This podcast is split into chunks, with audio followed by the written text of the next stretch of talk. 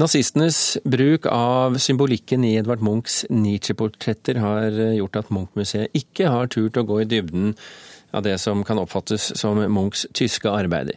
Det sier kunsthistoriker Hilde Marie Rognerud til Aftenposten i dag. Idéhistoriker Rune Slagstad, har hun et poeng her? Um, hun har et uh, poeng. Jeg er ikke sikker på om det er uh, akkurat det hun har grepet fatt i i sin fremstilling av, av Munch. Eh, men Munchs forhold til Nietzsche har vært et ladet tema i, eh, i, i norsk eh, sammenheng. Hvorfor det? Ja, det er jeg kan si Et eksempel på det var i, da, da, det ble publisert i VG i 1950 en uttalelse fra, fra, Munch om, hvor han hyllet Tyskland for deres fremragende kunstnere, hvoriblant Wagner i musikken og Nietzsche i filosofien, så vakte det bestyrtelse. Det var liksom fem år etter krigen, selvfølgelig. Og det var fordi at Munchs søster Elisabeth Førster Nietzsche eh, laget en Nietzsche-kultus i Weimar, som hun bygget jo Wilver Silverblikk i, i, på slutten av 1890-tallet, som hvor jo huset som Nietzsche døde i. Og Der laget hun en kult, og hun trakk jo mer og mer Nietzsche prøvde å omdefinere Nietzsches verk som en opptakt stiliserte det som en opptakt til Hitlers regime. Så Hitler, eh, Nietzsche ble misbrukt av sin søster, og hun var den sentrale personen som jo også trakk Munch til eh, Weimar i, eh, i 1905. Da.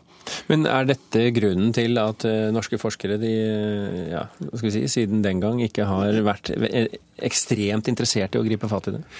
Nei, det kan være ulike, ulike grunner til det. Altså i, i, i Munch eh, det to, Jeg vil si, peke på to, to, forskjellige grunner. Det ene er at eh, Jens Thies, altså som var den dominerende skikkelse i Nasjonalgalleriets direktør og sto nær Munch og etablerte Munch-salen i sin tid, hans store biografi om eh, Munch fra 1933, der eh, setter han nærmest parentes om Nietzsche-portrettene til Munch. Og han var overhodet meget ambivalent til den tyske orienteringen hos, eh, hos Munch. At han skulle være orientert mot Frankrike. Hvis en ser senere, 50 år senere, Arne Eggum, som var direktør på Munch-museet i mange år, i hans store bok fra 95, så er da Munch-portrettet marginalisert. Han tar det ikke skikkelig på alvor. Det er grunn noe han gjorde for å tjene penger.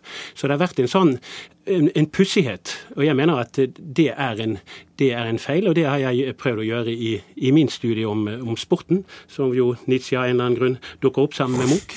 Eh, naturlig nok. Ja, naturlig nok, ja, for det er jo en kropps, kropps, eh, kroppsaffære. Og eh, det som er poenget her, er jo at Nietzsche-portrettene etter mitt syn er et vendepunkt hos, hos uh, Munch. Fra å være sinnets maler, melankolien, den som vi kjenner fra Åsgårdstrand, den depressive, til å bli kroppens maler. Og det er jo ikke noen nyhet at han begynte å male kropp. Var han i myndig på i 1907, og, og senere malte han en rekke kroppsbilder. Men det som er interessant, er Nietzsche-portrettet. De to Nietzsche-portrettene fra 1905 de er vendepunktet. og der maleren han maler ikke Nietzsche slik som opprinnelig søsteren hadde ville ta han. Hun ville ha en depressiv som satt i sykesengen osv.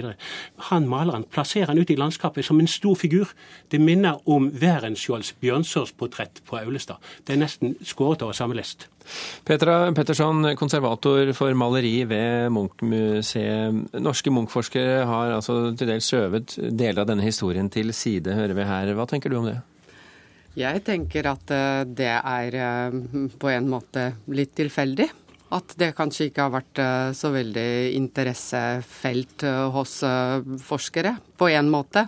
Men du nevnte tidligere Arne Eggum, og han har jo skrevet senest i 2007 en tolkning av Nietzsches portrett, som ble publisert i en sånn bok om Munch og Tilska-galleriet.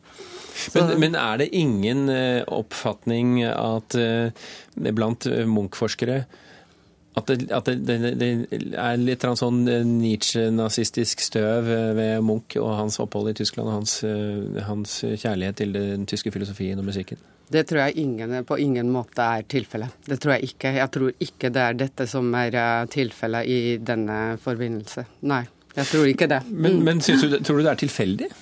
Helt tilfeldig? Uh, ja, jeg, jeg, mener at det, det, Nietzsche var jo på en måte en del av de, de, de interessefeltene Munch da hadde, uh, gjennom sin orientering mot det som skjedde i kunst, kultur, politikk uh, osv.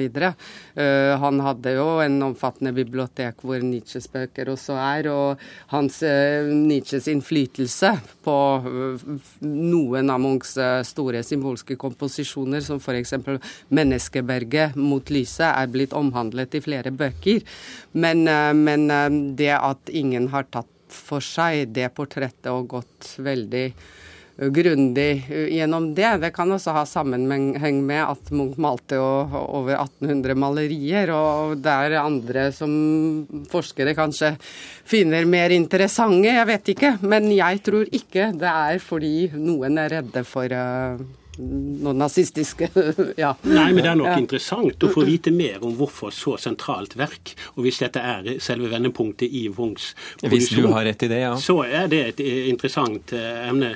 Det er, eh, uansett, det har vært en tradisjon for at en ikke skulle ta i denne forbindelsen Munch-Nietzsche. Den ville en ikke ha. Det var en periode. Det er nok ikke så present uh, lenger. Men det andre ved det er jo at det har vært en, en litt lukkethet i det uh, norske uh, kunsthistoriske miljøet, vel også i Munch-miljøet, Munch hvor en ikke har hatt en åpenhet for videre strømninger.